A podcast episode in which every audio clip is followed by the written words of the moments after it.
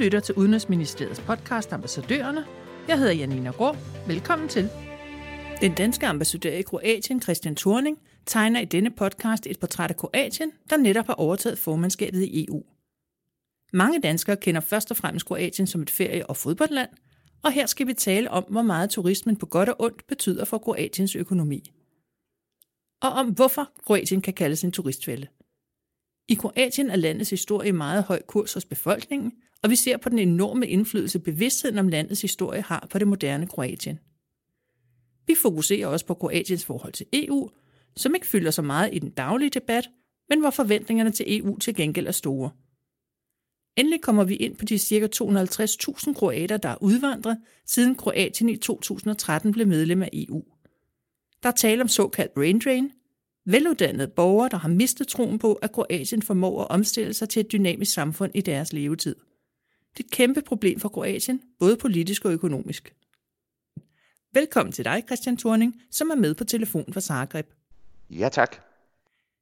I Kroatien er historie ikke noget, der primært er henvist til uddannelsessystemet, men i høj grad en levende del af det kroatiske samfund.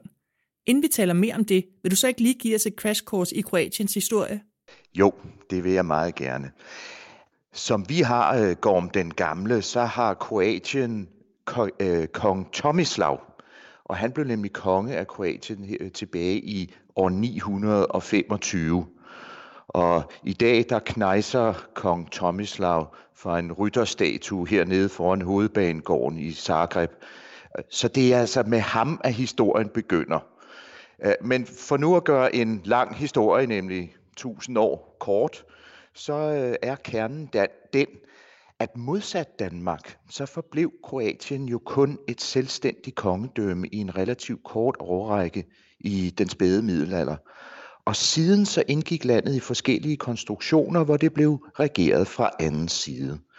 Øh, til eksempel kystområderne ved Adriaterhavet, de var i flere århundreder under Venedig-republikken, og senere, som mange jo nok kender, så opstod det østrig-ungarske kejserrige, hvor Kroatien indgik.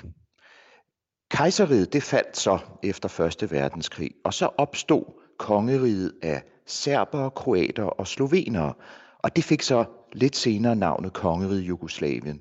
Det holdt så til 2. verdenskrig, hvor den kommunistiske partisanleder Tito overtog landet og han regerede så i sådan en kommunistisk socialistisk republik frem til sin død, og det var i 1980. Herefter så knæede det, kan man sige, gevaldigt i fugerne, og det førte jo så til, at i 1991 så erklærede Slovenien og Kroatien sig for selvstændige. Og for Kroatiens vedkommende, der var landsfaderen øh, Franjo Tučman. Og man taler om, at Tučman i 1991 virkelig gjorde en tusindårs drøm. Altså Kroatien var nu igen selvstændigt, ligesom på kong Tomislavs tid.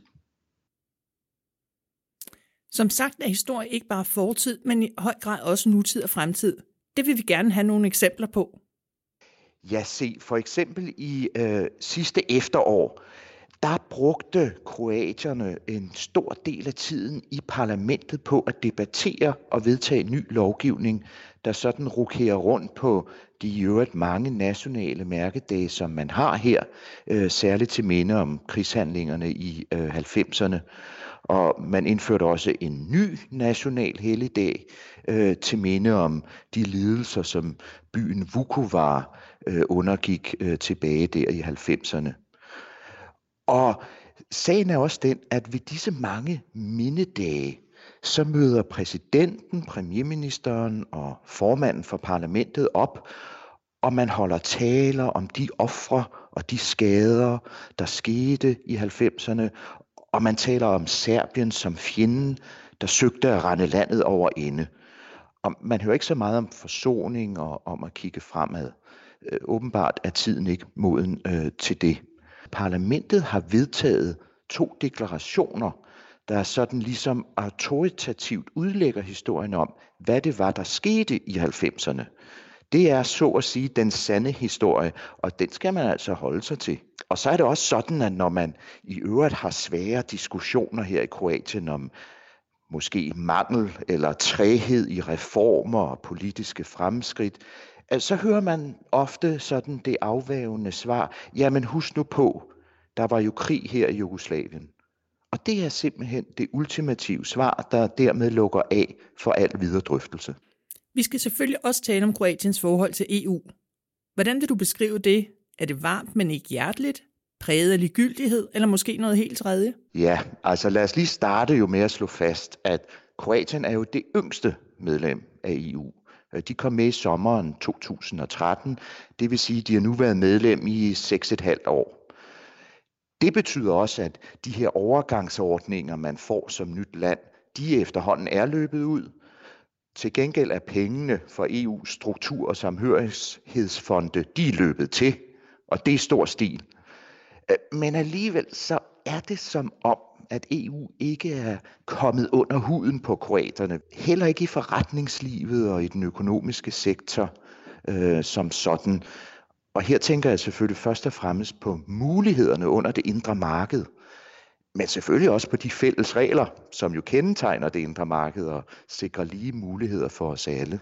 Og så den, for den generelle befolkning, der synes jeg, man kan sige, at holdningen er præget af apati, af ligegyldighed.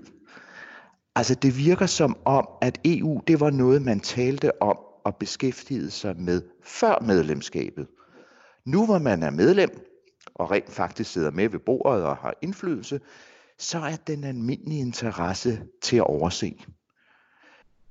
Altså for mange kroater, der er EU i dag ens betydende med noget, som premierminister, han hedder Plenkovic, det er noget, han tager sig af, og han er vist i øvrigt også ret dygtig til det, synes mange.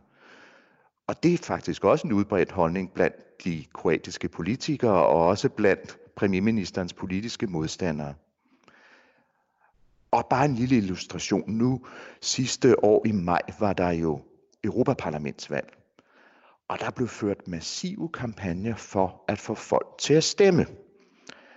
Og alligevel så var stemmeprocenten her i Kroatien kun godt 29 procent. Så altså meget lav valgdeltagelse, øh, selvom vi her er i EU's yngste land, hvor der er mange EU-midler, og hvor kroaterne ovenikøbet nu sidder i formandstolen. Øh, apropos formandskabet, så er alle, sag, øh, alle sejl sat til. Altså, det er klart, at netop med formandskabet, så håber regeringen på, at kendskabet til EU sådan generelt bredes ud. Sidste oktober, der sad jeg bænket i Nationalbiblioteket her i Zagreb, og jeg var bestemt ikke alene. Alt, hvad der kunne krybe at gå af 100 Soros, var samlet til afsløring af prioriteterne for det kroatiske formandskab.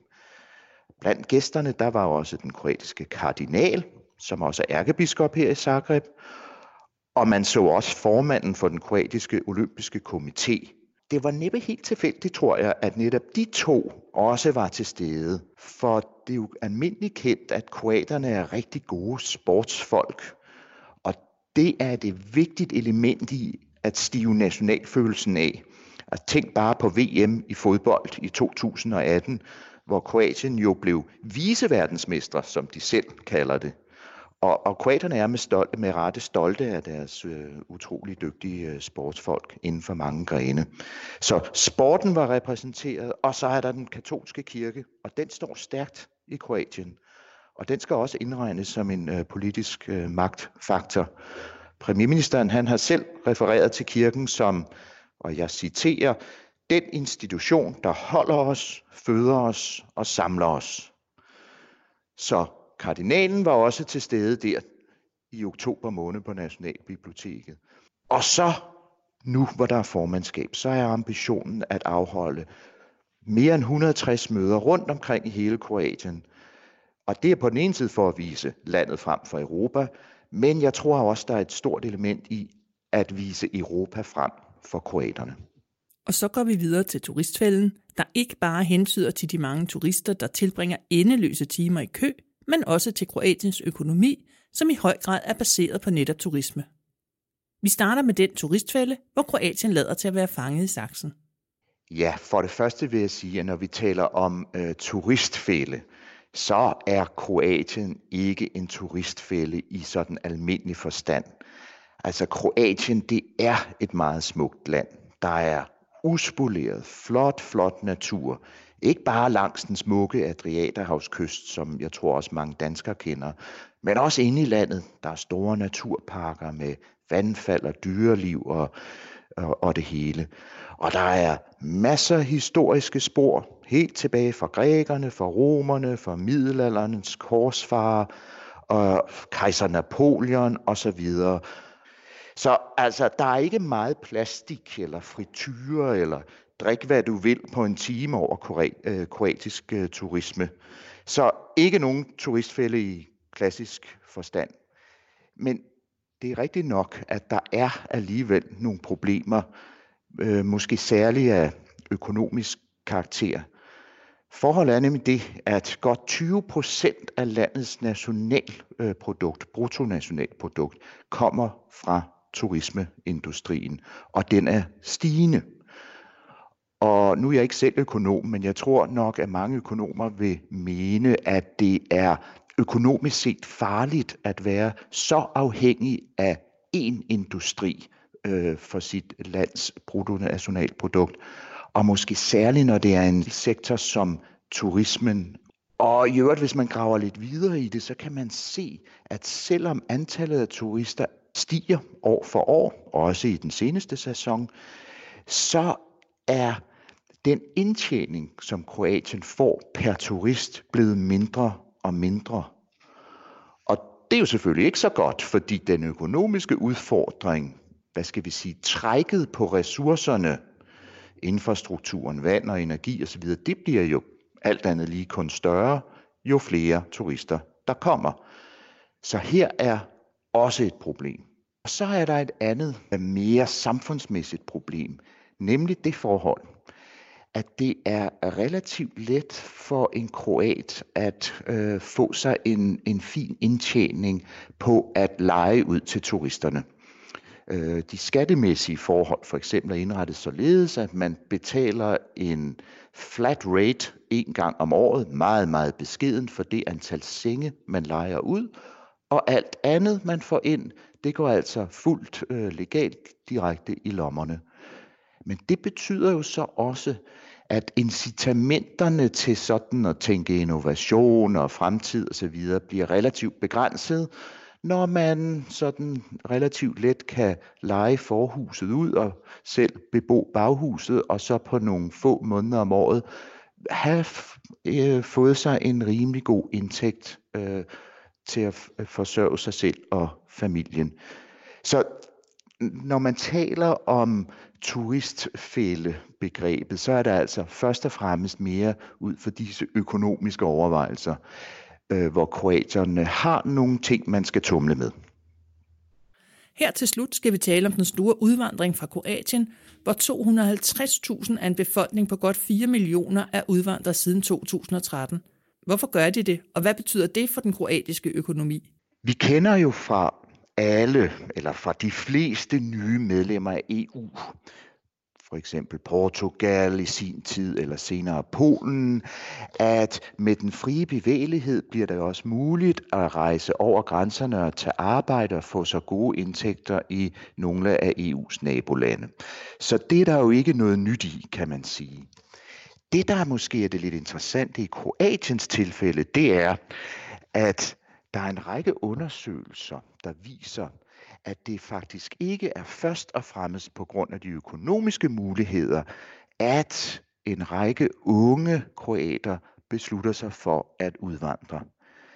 Det er, viser undersøgelserne, først og fremmest ud fra nogle politiske overvejelser om, at man synes ikke rigtigt, man kan se sig selv og sin families fremtid i landet, netop henset til, at fokus i en for høj grad, synes disse mennesker, er fokuseret bagudrettet på historiefortællingen, og ikke så meget fremadrettet øh, på at føre Kroatien ind i den digitale og grønne økonomi. Og undersøgelserne viser også, at mange af dem, der udvandrer, og vi taler altså i omegnen af en kvart million siden Kroatien blev medlem af øh, EU, øh, de ligger i sådan midt, øh, de ligger i begyndelsen af 30'erne, midt 30'erne, man, man har fået sig en uddannelse, man har ovenikøbet købet ofte fået sig et godt job, og alligevel så udvandrer man. Det er veluddannede mennesker, og det er klart, det udgør selvfølgelig øh, en stor udfordring for et nyt land med en befolkning, der ligger på omkring de 4 millioner. Det er en problemstilling, som man er fuldt opmærksom på fra Kroatiens politisk side, og en række initiativer er sat i søen for at vende udviklingen. Tiden vil så vise, om det lykkes. Det var slut på podcast om Kroatien. Hvis du vil vide mere, kan du følge ambassadøren på Twitter. Tak til Christian Thorning, og tak fordi du lyttede med.